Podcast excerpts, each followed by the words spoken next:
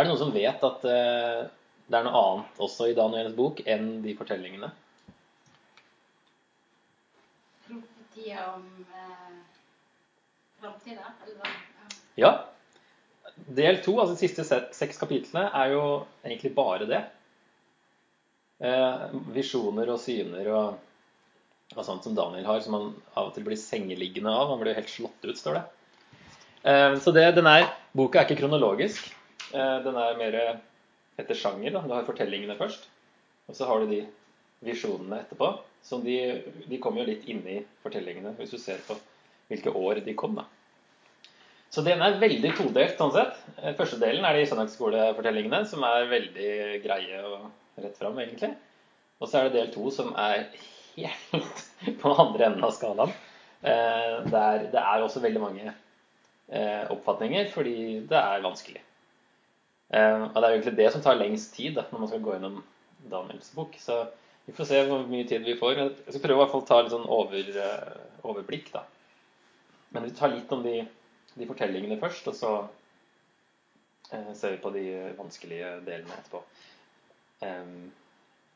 Men hele boka handler jo egentlig om at altså Det er kanskje mest i visjonene handler om at Gud styrer historien. Det er utrolig fascinerende. Når du, det som blir spesielt nå, er å se på verdenshistorien egentlig fra Daniels tid og framover, og hvordan det passer inn med det. Eh, selv om jeg har undervist Daniel før og har lest mange ganger, så når jeg leste opp igjen nå, jeg så litt nye ting, og det var sånn her er det mulig? Han så detaljert. Eh, selvfølgelig er det mulig, vi tror at Gud er- kan gjøre alt. Men det er liksom så uvanlig også for profetene egentlig i Bibelen. Da. Og Daniel er egentlig ikke en profet sånn helt som de andre. altså I den jødiske bibelen så er Daniels bok ikke en profetbok, men en, en historisk bok. Um, altså en, Han hadde tilfeldigvis noen visjoner, men han var ikke en sånn typisk profet som kom og sa 'vend tilbake til Gud' og 'kom tilbake til loven'. Eller så kommer dommen og sånne ting. Uh, Men uh, det er de framtidsforutsigelsene som Egentlig er ikke det profeti heller. Profeti er jo en som taler på vegne av Gud. Og profetene taler mye mer inn i samtida og hva som er problemet. Og så er det litt om framtida. Men vi tenker at profeti det har om framtid å gjøre. Men sånn så når Daniel har veldig mye om framtid, fra hans eh, ståsted i hvert fall, eh, så eh, er det ikke dermed sagt at han er en profet, men det er jo litt det samme. da. Du finner jo sånne ting i andre eh, profetbøker også. Men det handler veldig mye om at Gud ja, styrer historien for å opprette sitt evige rike. Og så handler de fortellingene om hvordan de, Daniel og de tre vennene hans eh, eh, Hvordan de visste at de var en del av Guds rike, selv om de levde i denne verden. Og det passer jo veldig godt inn med faktisk eh, temaet bolkens nå i Salem, i verden, men ikke av verden. Det er veldig gode eksempler på noen som hadde forstått det, da, hvordan man forholder seg til det. Og da blir det jo veldig relevant, egentlig, for oss også. Så med Velkommen. Med Filemon, for de som har vært på de to andre som jeg har hatt, da. Så med Filemon så så vi mest på metoden, eller sånn, litt sånn, ja, det med å se på hvordan eh, eh, Filemon ville forstå dette brevet, og litt historisk bakgrunn med slaveri og sånt. Med Titus så var det Da fant vi all den historiske bakgrunnen egentlig i selve brevet. Eh, og tolka ut fra det. Mens nå i Daniel så blir det historisk bakgrunn på litt annen måte. At vi må, vi må egentlig kunne veldig mye verdenshistorie for å se For ikke å gå helt vill, for det første, men også for å se hvor bra det passer. Så det, for høydepunktene her, da, så slipper du å lese mange bind. Men eh, det er Har dere hørt noe i hele tatt om de tingene som Daniel snakker om, eller de visjonene omhandler, når det gjelder verdenshistorie før Jesus? Hørt litt? Ikke? Nei? Det blir kanskje veldig mye nytt stoff for, eh, for noen. Er det eh, Er det eh, ting som skjer, sant? Eller er det Det er jo forskjellige syn, selvfølgelig. Men uh, der vi skal se altså, litt på det òg. Hva gjør vi med sånne forutsigelser av framtida? Eh, hva er en bra måte å tolke de på? Um, og da er det jo veldig det vi har snakka om før, med å se det i- gjennom de første lesernes øyne, og hva de ville ha eh, sett på som den første oppfyllelsen. Ikke? Og ikke, hva, ikke for oss så mange år senere. Så å finne en historisk Om det er ment å være historisk oppfyllelse, da. Det er enten, det, enten er det historisk, altså noe som faktisk skjedde på jorda, eller så er det en mer åndelig oppfyllelse. Det brukes et annet språk. Um, vi får se litt om det dukker opp her i, i Daniel også. Men det er der det blir forskjellig syn. Uh, de fleste, når det gjelder Daniel, så er de fleste enige om at det meste har skjedd, men det er kanskje noe som gjenstår. Og da kommer vi på sånne antikristgreier og sånn. Um, eller så um,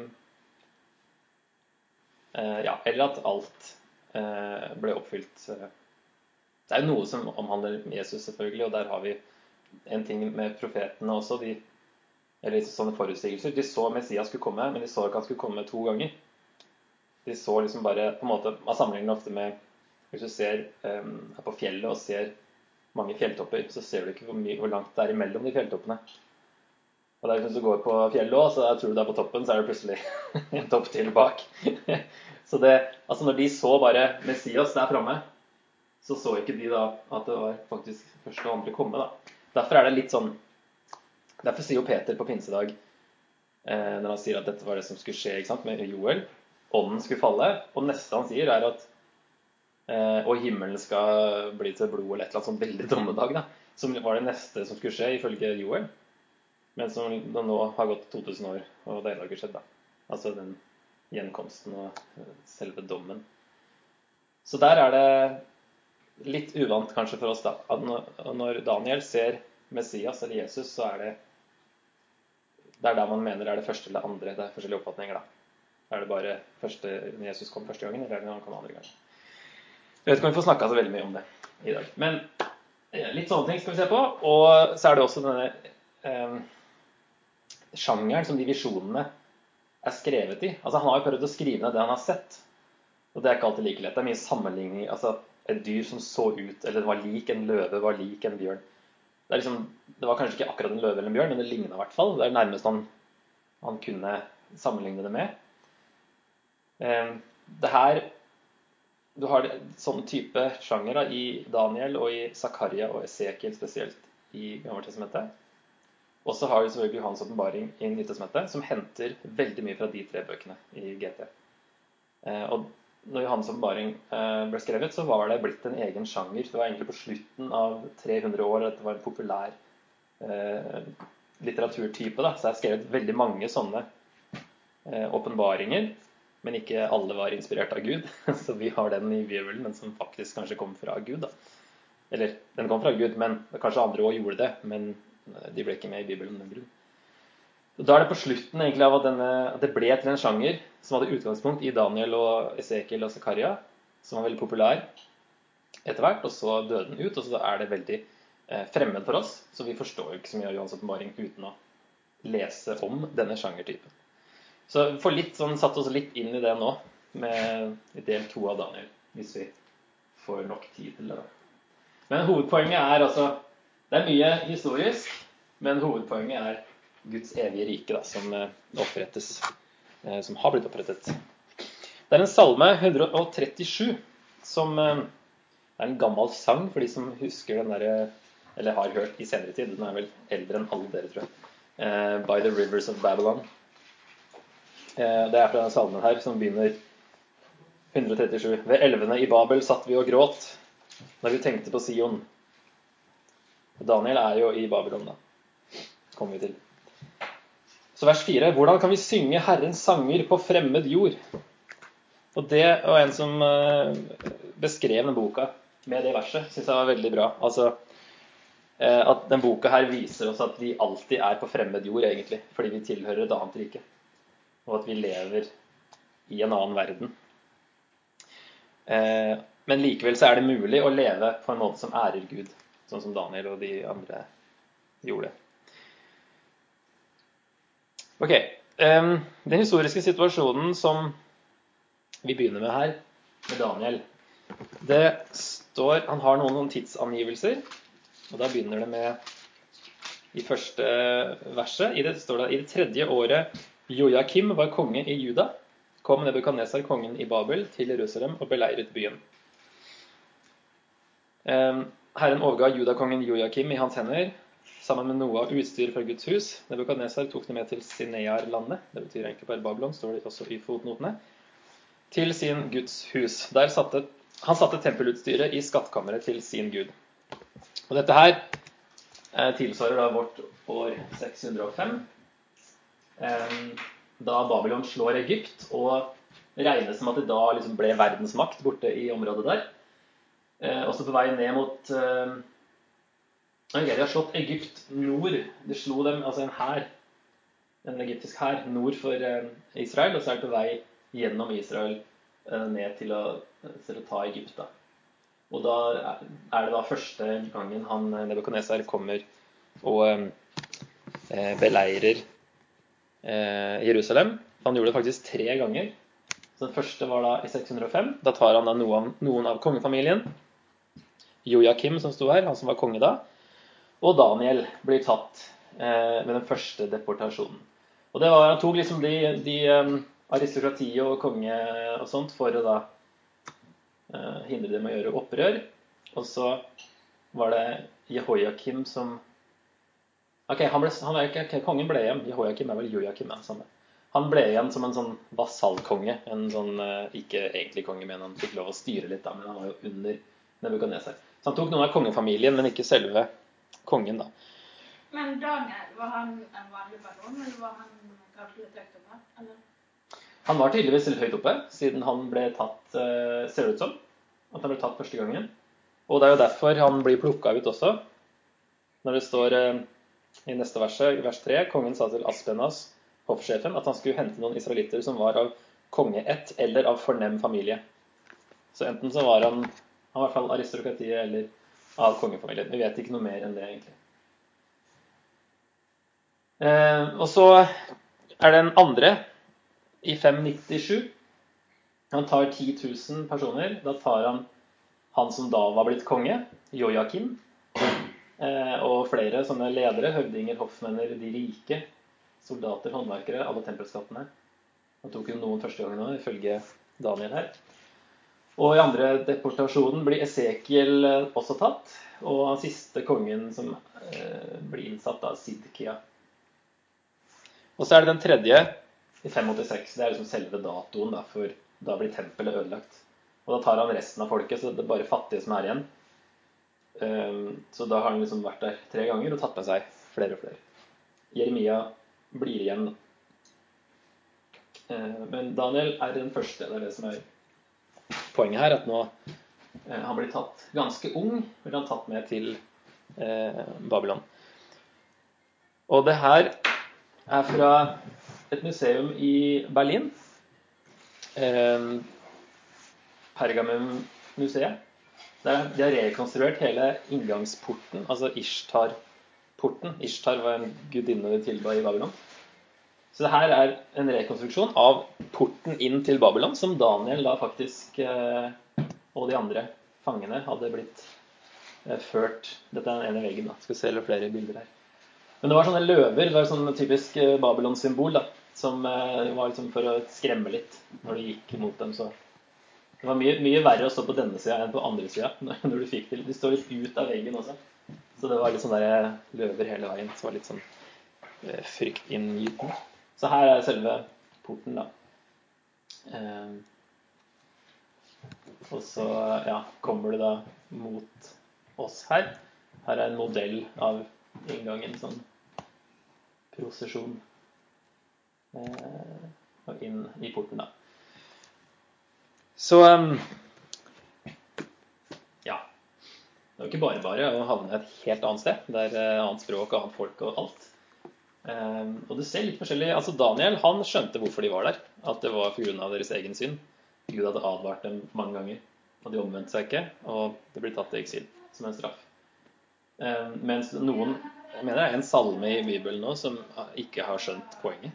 Hvorfor de er i Babylon. Og klager over 'stakkars oss som havna her', liksom, uten å skjønne at det var pga. deres egen uh, synd. da. Men Daniel, han, selv om han er De regner med at han kanskje var 15 år da han kom. Ung gutt, står det i hvert fall.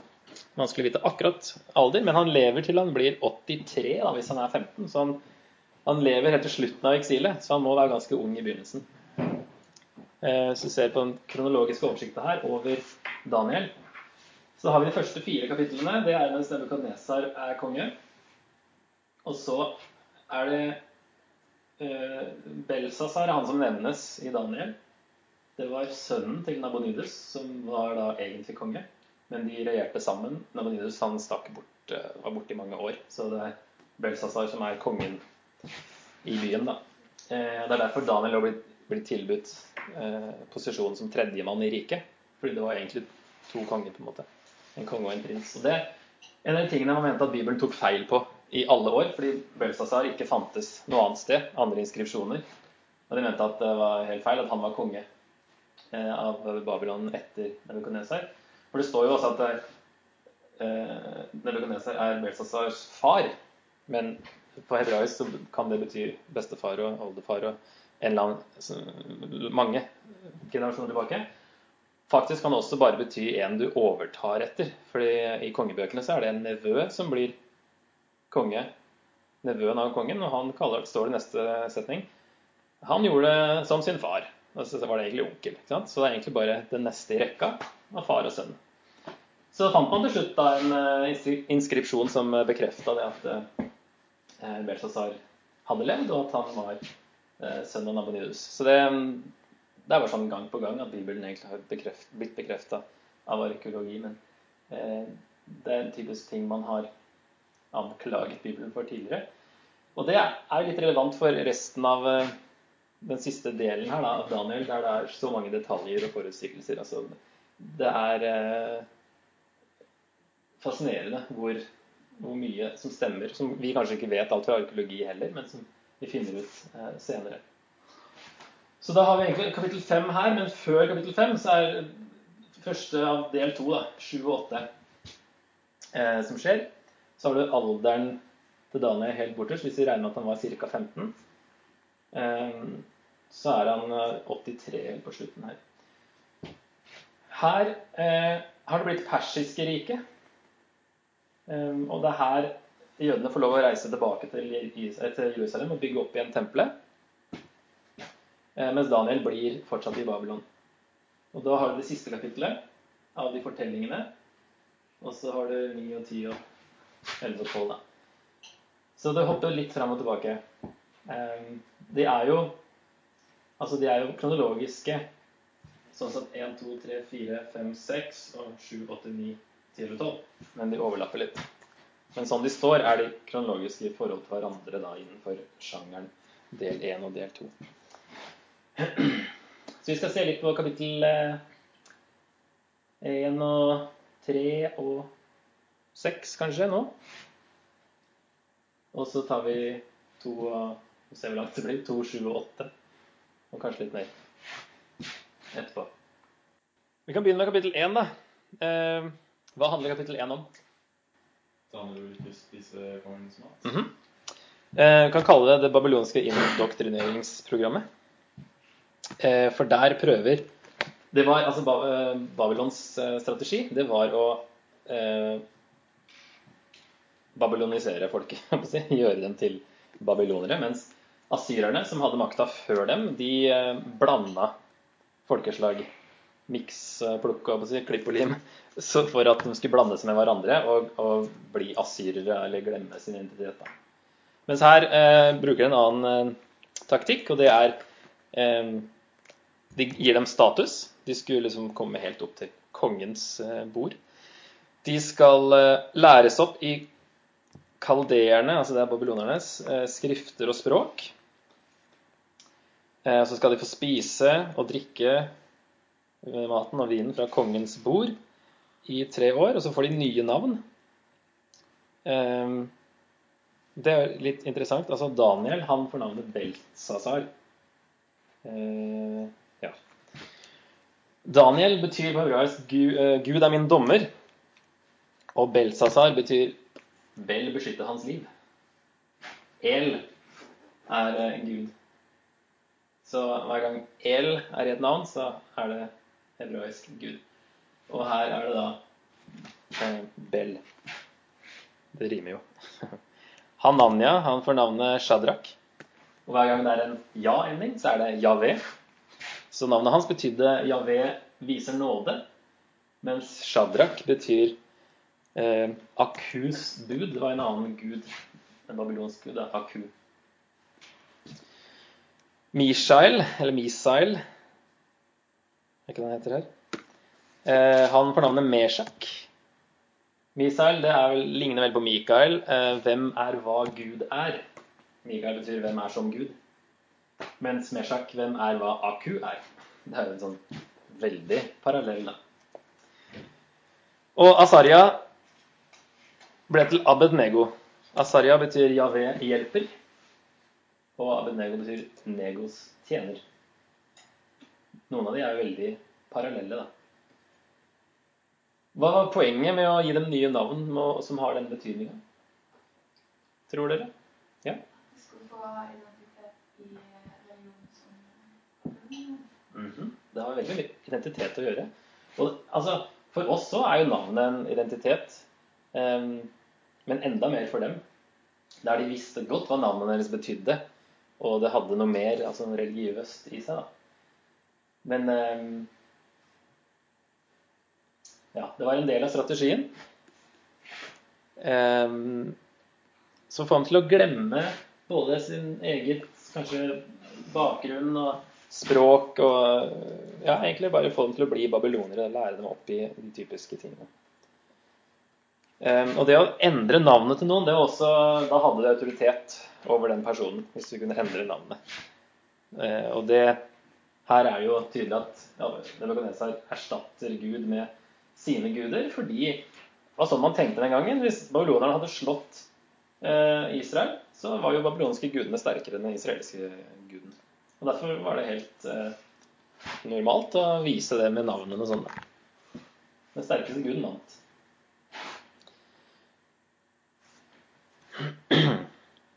Eh, så sier Daniel at han vil ikke Han bestemte seg, står det i vers 8, bestemte seg for at han ikke ville gjøre seg uren med maten og vinen fra kongens bord.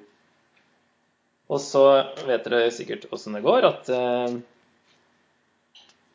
de så bedre og sunnere ut enn de guttene som hadde spist av maten fra kongens bord.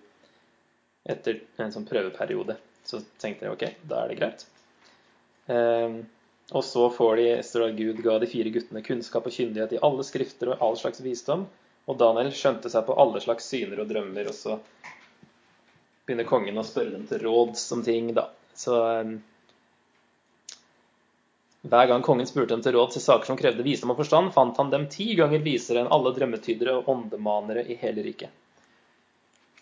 Så det går bra. Selv om Daniel da her er, Han er 15 år ca., og så får han eh, tilbud om å eh, Han får nesten hele verden i fanget. da.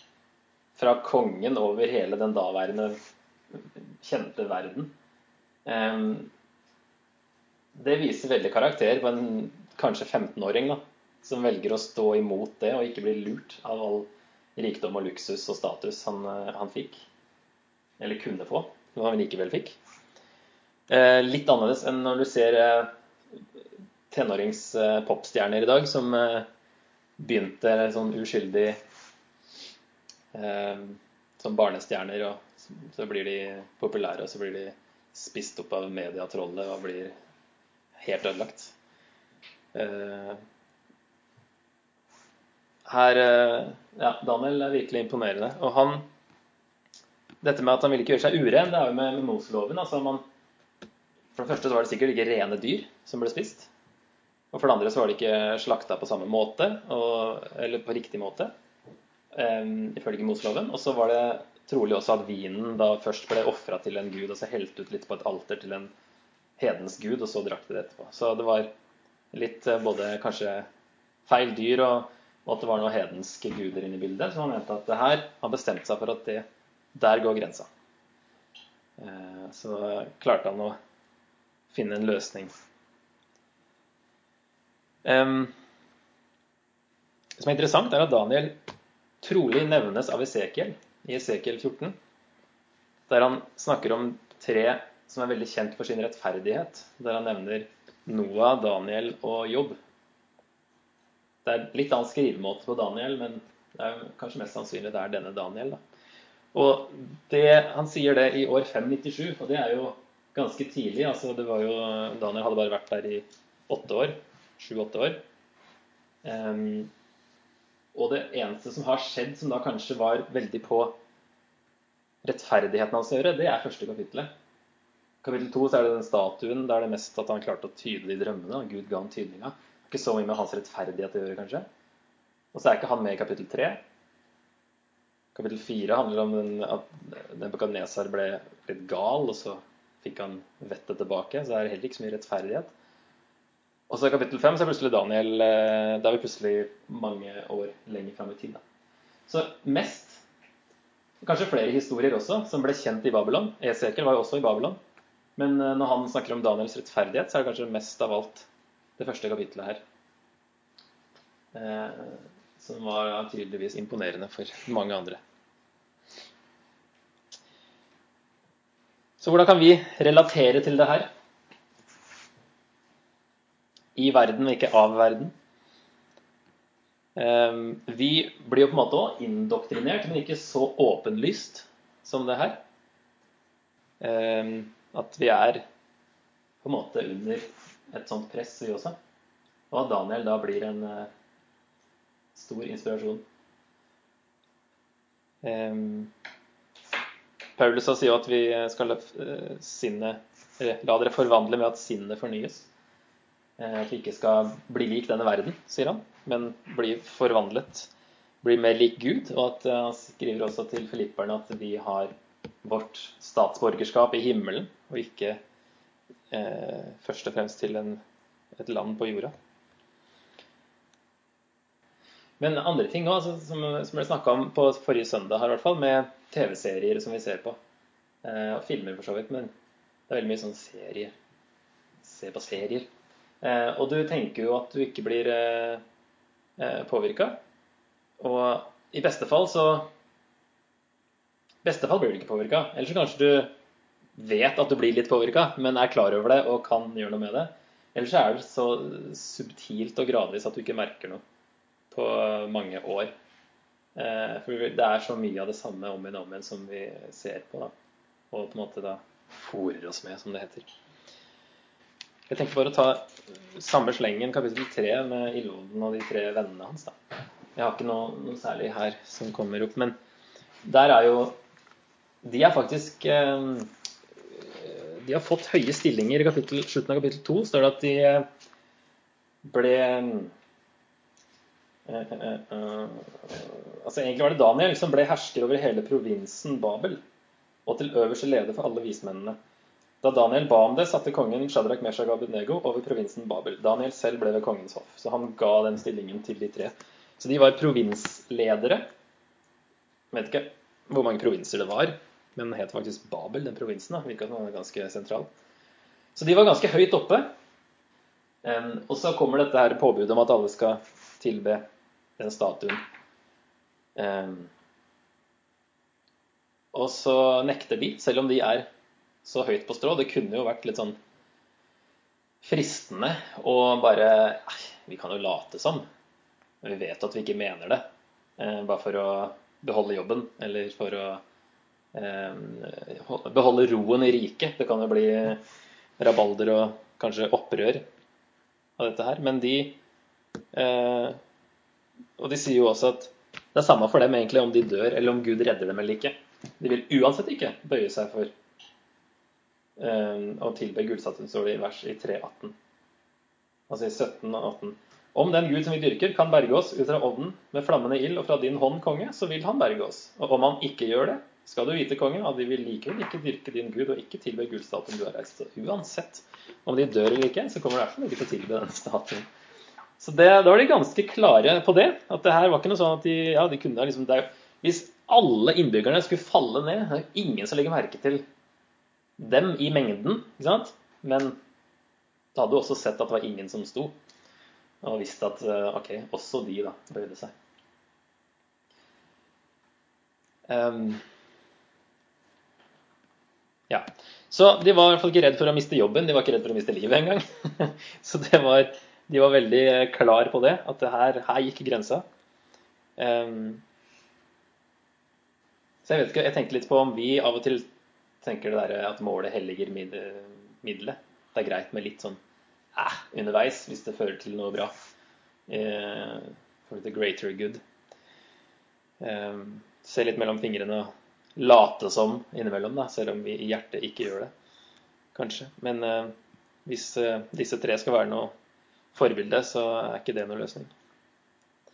Eh, For oss er det mer ufarlige ting enn å tilbe en annen gud, sånn som det her. Men i Bibelen, i kalles eh, av, grådighet kalles avgudsdyrkelse mange ganger.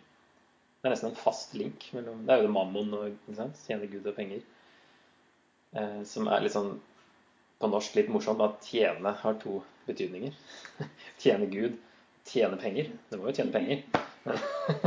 Så det går an å tjene både Gud og penger på norsk, men, men ikke i den tilbe-formen å tjene.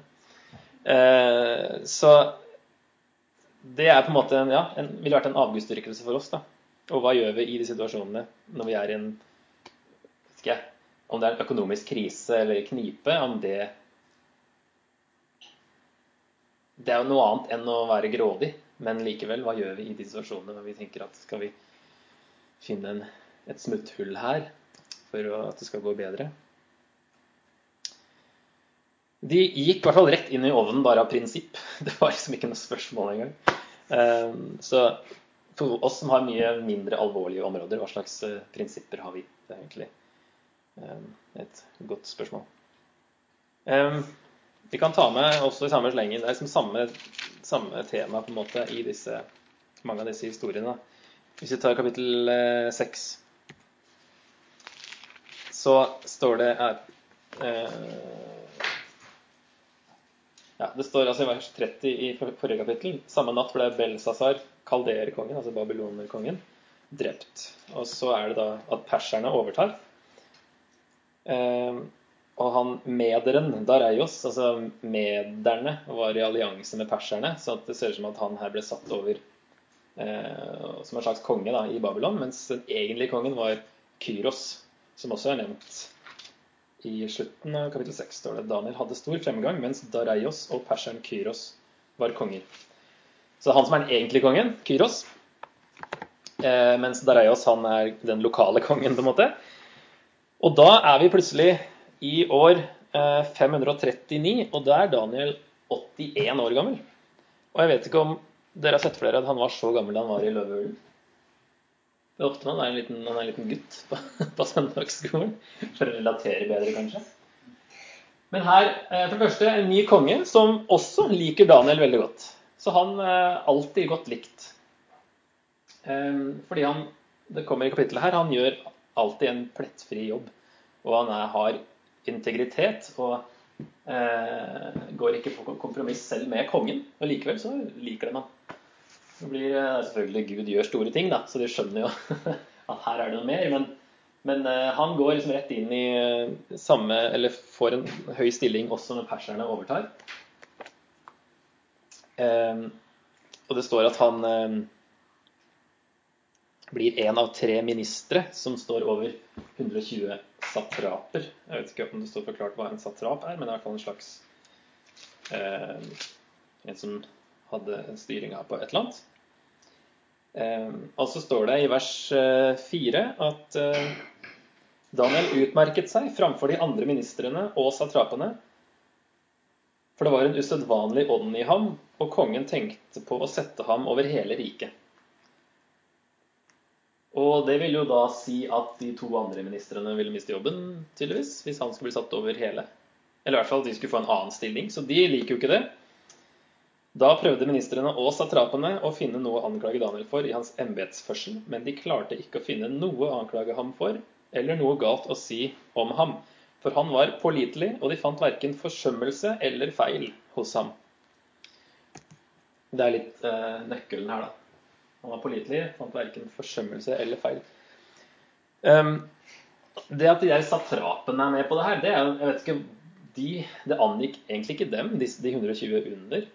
Jeg skjønner litt at de to andre ministrene begynte å eh, føle at eh, det her kunne ende dårlig for dem. da.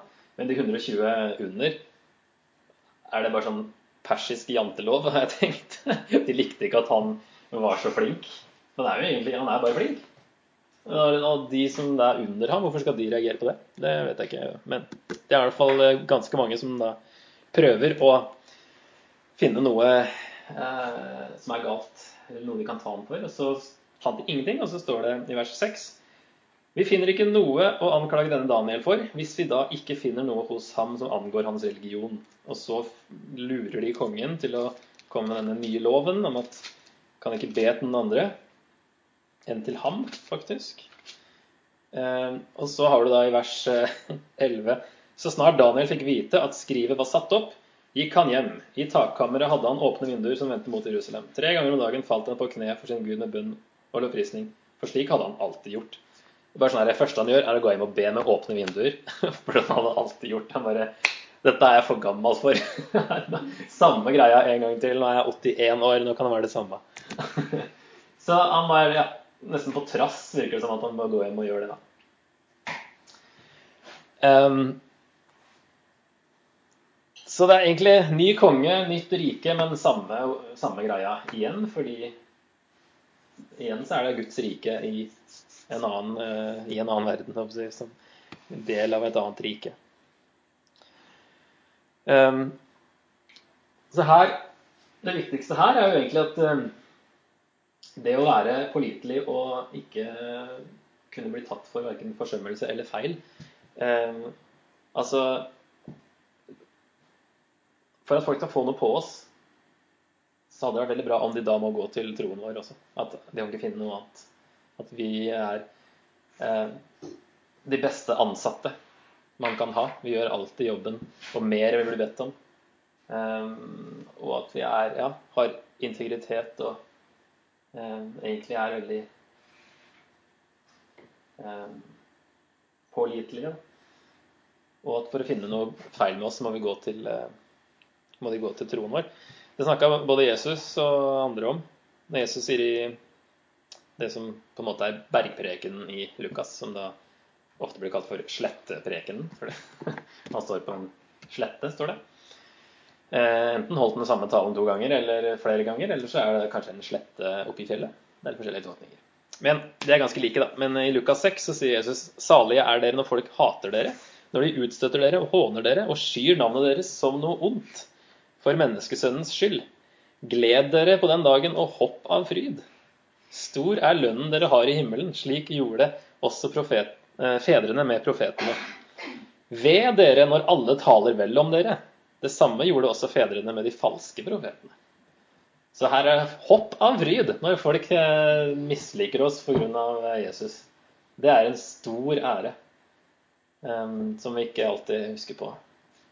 Jeg sleit skikkelig med liksom, at noen skulle ha noe problem med meg. Det syns jeg var en vanskelig tanke. Jeg ville bli godt likt av alle. Men uh, det er det hvis det er pga. at han er kristen eller uh, noe sånt. Da, det, da, skal vi bare hoppe av. Og Peter skriver i første Peter at han uh, Hva er det vel å rose seg for hvis man lider for noe man fortjener? Altså hvis du blir straffa for noe du har gjort. Men hvis du blir straffa for å ikke ha gjort noe, bare fordi du er kristen, det, det er bra. Da etterligner vi Jesus, sier han. Så um, ja, tenkte bare å summere opp da, den første delen her. Hva kan vi lære av Daniel? Han var trofast og avsluttet bra. Du pensjoneres aldri i Guds rike. Eh, selv om han var over 80 år, så holdt han ut der. Eh, ja, I vers, nei, kapittel 9 jeg vet ikke om vi får tatt så mye av det, men han, han, eh, han leser i hvert fall når eksilet er over. Nå er vi jo, Løvehulen skjer jo når eksilet er over. Sammen, perserne har overtatt. og det er jo de som gir dem lov til å komme hjem. Så står det at Daniel skjønte Han hadde lest Jeremia, står det. 9.2. Daniel, jeg, Daniel, la merke til i bøkene hvor mange år Jerusalem skulle ligge i ruiner, ifølge Herrens ord til profeten Jeremia. Det var 70 år. Jeg venter meg til Herren Gud for å søke ham med bønn og rop om nåde, for å faste i sekk og ask. Altså, han skjønner at nå skal egentlig eksilet være over, det er nå vi skal få komme tilbake. Så han, han leste sin bibel og visste hva som skulle skje. Han kjente Gud godt. Så, ja, så han visste hvorfor de var i Babylon, Og derfor var han nå uvillig til å gå på kompromiss med sin overbevisning, selv i vanskelige omstendigheter. Um, han hadde liksom oversikt over situasjonen. Og da er det lettere å ta valg også. Når du vet hvor landet ligger. Han ba regelmessig. Tre ganger om dagen, står det. I hvert fall. Vi er jo oppfordra til å be stadig og hele tida i Nytestamentet. Um, så det Vi kan be enda mer enn tre ganger om dagen. Men uh, det var i hvert fall noe som de tok han på, da. Fordi de visste at han gjorde det. Han kunne ikke bli kjøpt. Jordisk rikdom, luksus og makt lurte ham ikke, men han hadde framgang likevel. Ikke-troende likte ham fordi han hadde integritet, ikke fordi han gikk på kompromiss med dem. Det er jo ganske interessant. Og han var alltid månedens ansatte. Han gjorde alt han skulle gjøre. Ikke noe feil kunne bli funnet i arbeidet hans. Og det er spesielt viktig nummer sju her. Han hadde en verdslig jobb, men var likevel i såkalt fulltidstjeneste for Gud. Han var jo virkelig en verdslig jobb. Han jobba for en hedensk konge og var langt oppe i systemet. Likevel så er han et så tydelig eksempel på en som æra Gud med alt han gjorde. Så det er ikke noe at en verdslig jobb er mindre kristen ikke sant, enn en uh, kristen jobb. det er et sånn kunstig skille som vi ofte tenker. At alt, enhver jobb, kan være fulltidstjeneste for Gud og ære Gud. Han levde hele sitt liv som et godt vitne. Gud fikk ære gjennom Daniels liv og karakter. Så som du nevnte i begynnelsen av deg, med karakter og integritet. Er veldig, veldig sentralt her i de, for de fortellingene. Skal vi tatt pause nå, kanskje? Vi begynte litt over Ja, passer med en pause nå, ikke det? Til eh, fem over åtte? Tolv minutter? Ok.